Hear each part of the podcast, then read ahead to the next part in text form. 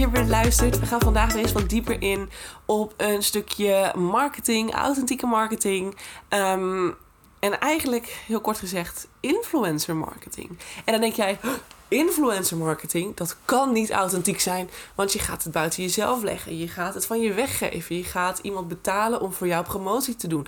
Dus hoezo authentiek? Er komt iemand bij die niet meer helemaal jou is, zeg maar. Er komt een andere tone of voice in. Er komt een andere, ja, een, een, een andere vibe in.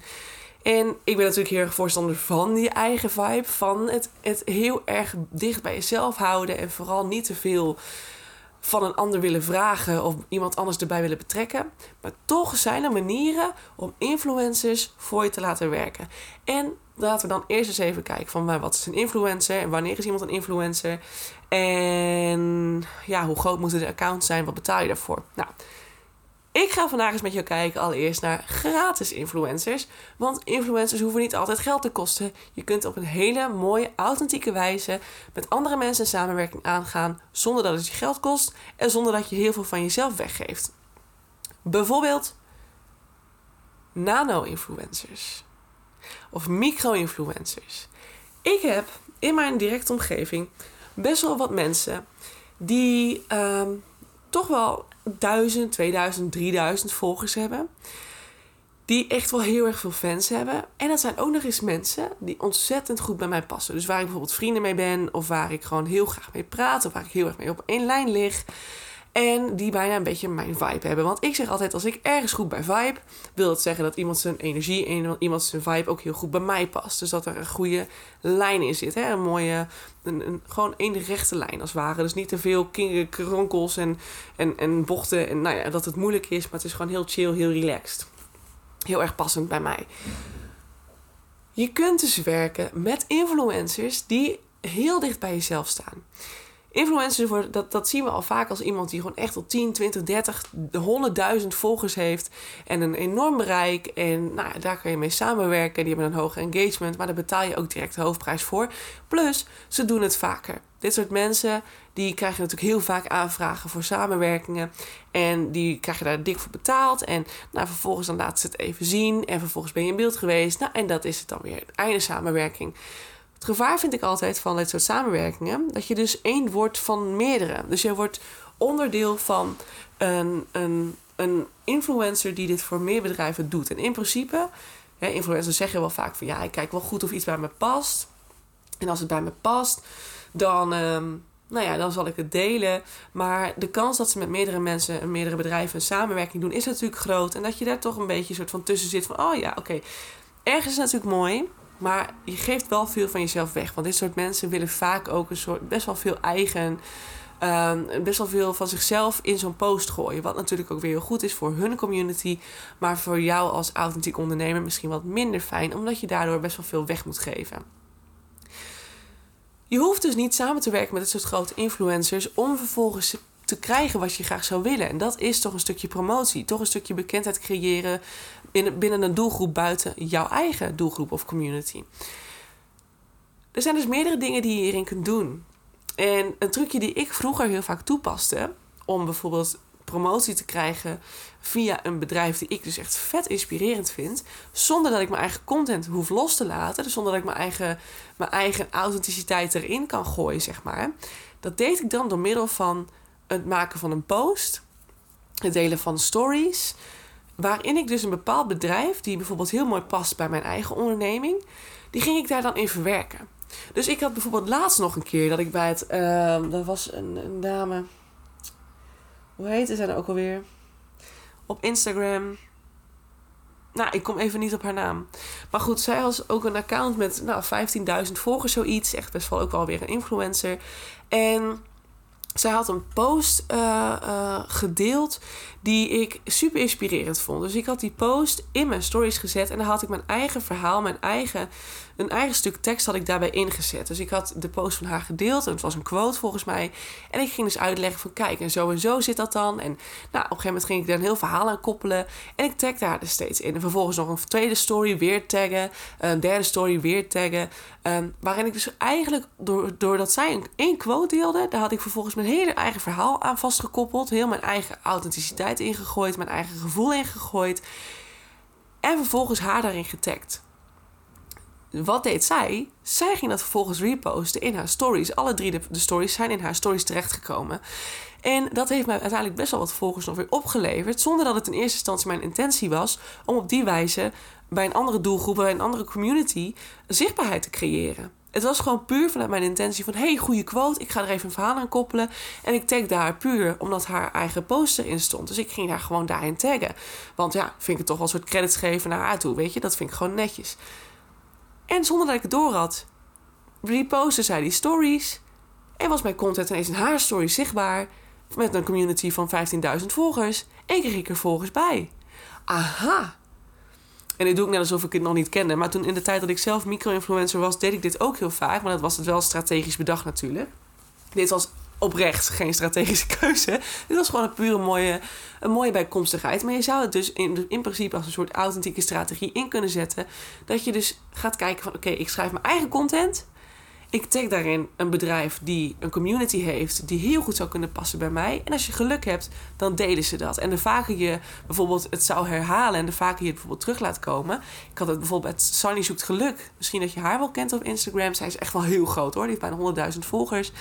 Um, op een gegeven moment was ik zo vaak met haar in gesprek, ook in DM. En nou, toen deelde ik haar een keer in de stories. En ze heeft volgens mij wel een keer drie of vier van mijn stories gedeeld. Maar dat is echt wel heel vroeger geweest. Maar um, ja, dat, dat op een gegeven moment dan krijg je toch een soort band met iemand. Iemand herkent jou dan. En ze is me op een gegeven moment zelf gaan terugvolgen op mijn andere account, op mijn micro-influencer account.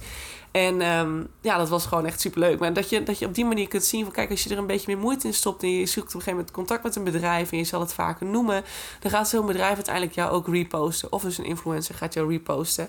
En op die manier kun je dus toch een soort van gratis promotie krijgen zonder dat je een directe samenwerking hebt met die influencer.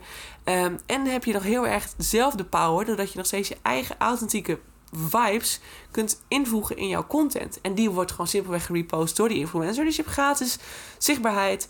Um, gratis zichtbaarheid, doordat jij gewoon simpelweg je eigen content zo hebt ingezet dat iemand dat heeft gedeeld, en dat, er, dat diegene zijn of haar community het gezien heeft. En misschien denkt van, hé, hey, interessant, ik ga diegene volgen. Nou, dat is deel 1. Dus dat zou je in principe kunnen proberen kunnen doen. Wat ook nog een optie is, en dat is fijn als je um, allemaal vrienden en familie en, en nou vooral vrienden hebt die heel erg bij jou passen. En ik denk als jij heel erg authentiek bent, dan zul je ook duidelijk daarin je grenzen hebben en bepalen wanneer je iemand wel en niet in je leven wil hebben. Um, maar dat je dus je directe omgeving vraagt of ze misschien of met jou een soort uh, speciale deal willen sluiten. Dat zij een soort van uh, testpersoon willen worden voor je nieuwe training of voor je nieuwe traject. En dat ze op basis daarvan een review schrijven. En die review kan je dan bijvoorbeeld weer delen. Uh, maar dan wel mensen die natuurlijk ook daadwerkelijk geïnteresseerd zijn in jouw bedrijf. Hè? Dus dat iemand echt wat heeft aan jouw review en jij ook wat hebt aan de feedback. Dat is een hele mooie manier. En diegene die dat dan ervaren heeft, die kan bijvoorbeeld gedurende de periode dat diegene in jouw traject zit, kan diegene in zijn eigen, zijn of haar eigen omgeving stories voor jou maken, vertellen aan hun community dat ze dat aan het doen zijn.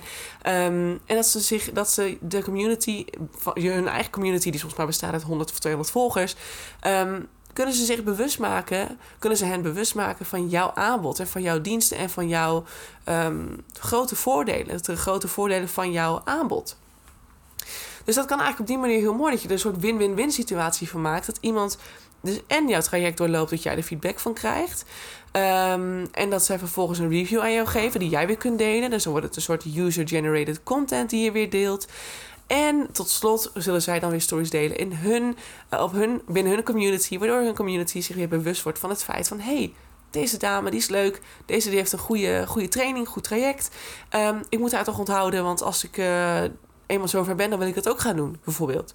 Um, dus dan heb je het heel dicht bij jezelf. Je hebt, echt, je hebt echt binnen je eigen kringen heb je dus uiteindelijk um, promotie. Dus het kost je niks. En als het je al iets kost, is het misschien een gratis training die je aan iemand weggeeft, die iemand dan mag doen, um, om een soort proefpersoon daarin te zijn. En um, ja, en je kunt daar uiteindelijk gewoon best wel veel promotie weer vanuit terughalen. Dus door dicht bij jezelf te houden, heb je ook mensen die dus weten wie je bent, die jouw vibe aanvoelen, die misschien een soort gelijke vibe hebben, waardoor je dus eigenlijk niet per se je authenticiteit weggeeft, maar het toch dicht bij jezelf kunt houden. Dus dat is een hele mooie. Hè? Nano-influencers heet dat ook wel. Heel, heel klein. Nou, ik noemde het al even user-generated content. Wat gewoon een hele mooie is. Dus de klanten die dus inderdaad heel erg over jou te spreken zijn. Of die jouw traject volgen. Misschien echt, echte klanten al. Of dus nog de proefpersoon. Dat je diegene user-generated content laat maken. En dat vervolgens weer deelt op jouw Insta. Of dat zij dat delen op hun Insta. Et cetera, et cetera. Hele mooie manieren om toch door middel van een soort gratis influencer. Ja, want eigenlijk zijn ze gewoon jouw influencers. Want ze, zij, zij influencen weer hun community. Hoe groot of klein dat dan ook is. Zij influencen hun community weer. En dat is gewoon een hele mooie manier om op die manier zo ja, meer promotie te krijgen. Meer zichtbaarheid te krijgen. En wat je tot slot nog kunt doen. En dat vind ik wel mm, ja, een klein beetje wegstappen van je authenticiteit. Want dan wil je er zelf ook weer een bepaald voordeel uithalen. Maar dat is een barterdeal. En misschien dat je barterdeal, een barterdeal wel kent. Um, dan sluit je een deal met een andere ondernemer bijvoorbeeld. Ik heb ook eentje lopen met een ondernemer. Uh, waarin ik haar help met haar website. En zij mij helpt met iets waar ik zelf um, ja, ze is mijn schone specialiste, dat kan ik wel zeggen. Dus mijn schone specialiste, zij helpt mij met mijn huidverzorging gratis dan uh, en deels betaald. En um, ik doe voor haar de website uh, voor zoveel uur per maand. En dat is in principe een barterdeal. Dus je sluit een deal waarin je eigenlijk elkaar in natura iets geeft.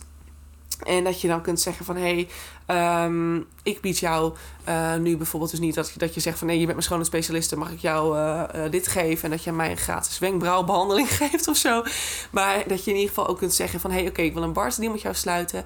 Als ik jou nou deze training laat doen, wil jij dan voor mij promotie maken? Um, dat je op die manier een soort sluit met iemand van hé, dan krijg je dit gratis en dan wil ik graag van jou promotie over mijn product. Maar ik, wat ik zeg, ik vind dat gewoon iets minder authentiek in die zin dat je het verder bij jezelf vandaan legt. En dat je dan tegen diegene zegt van oké, uh, uh, opzettelijk van hé, hey, als jij dit nou doet, dan uh, krijg je dat van mij en dan maak je voor mij prom promotie. Um, ja, ik vind het dan weer een beetje richting de gewone influencers gaan. Maar als het voor jou goed voelt, zou je dat natuurlijk kunnen proberen. En misschien kun je daarin een soort deal sluiten met diegene van goh, en ik zou graag daar mijn eigen tekst in willen verwerken. Of ik wil daar toch graag even met je samen naar kijken voordat je iets plaatst. Zodat ik wel zeker weet dat het echt past bij mijn onderneming. Dat zou je kunnen doen, dat je op die manier toch een beetje, je, ja, je een beetje controle houdt over wat iemand dan deelt over jouw business. Zodat dat gewoon toch die authenticiteit draagt van jou.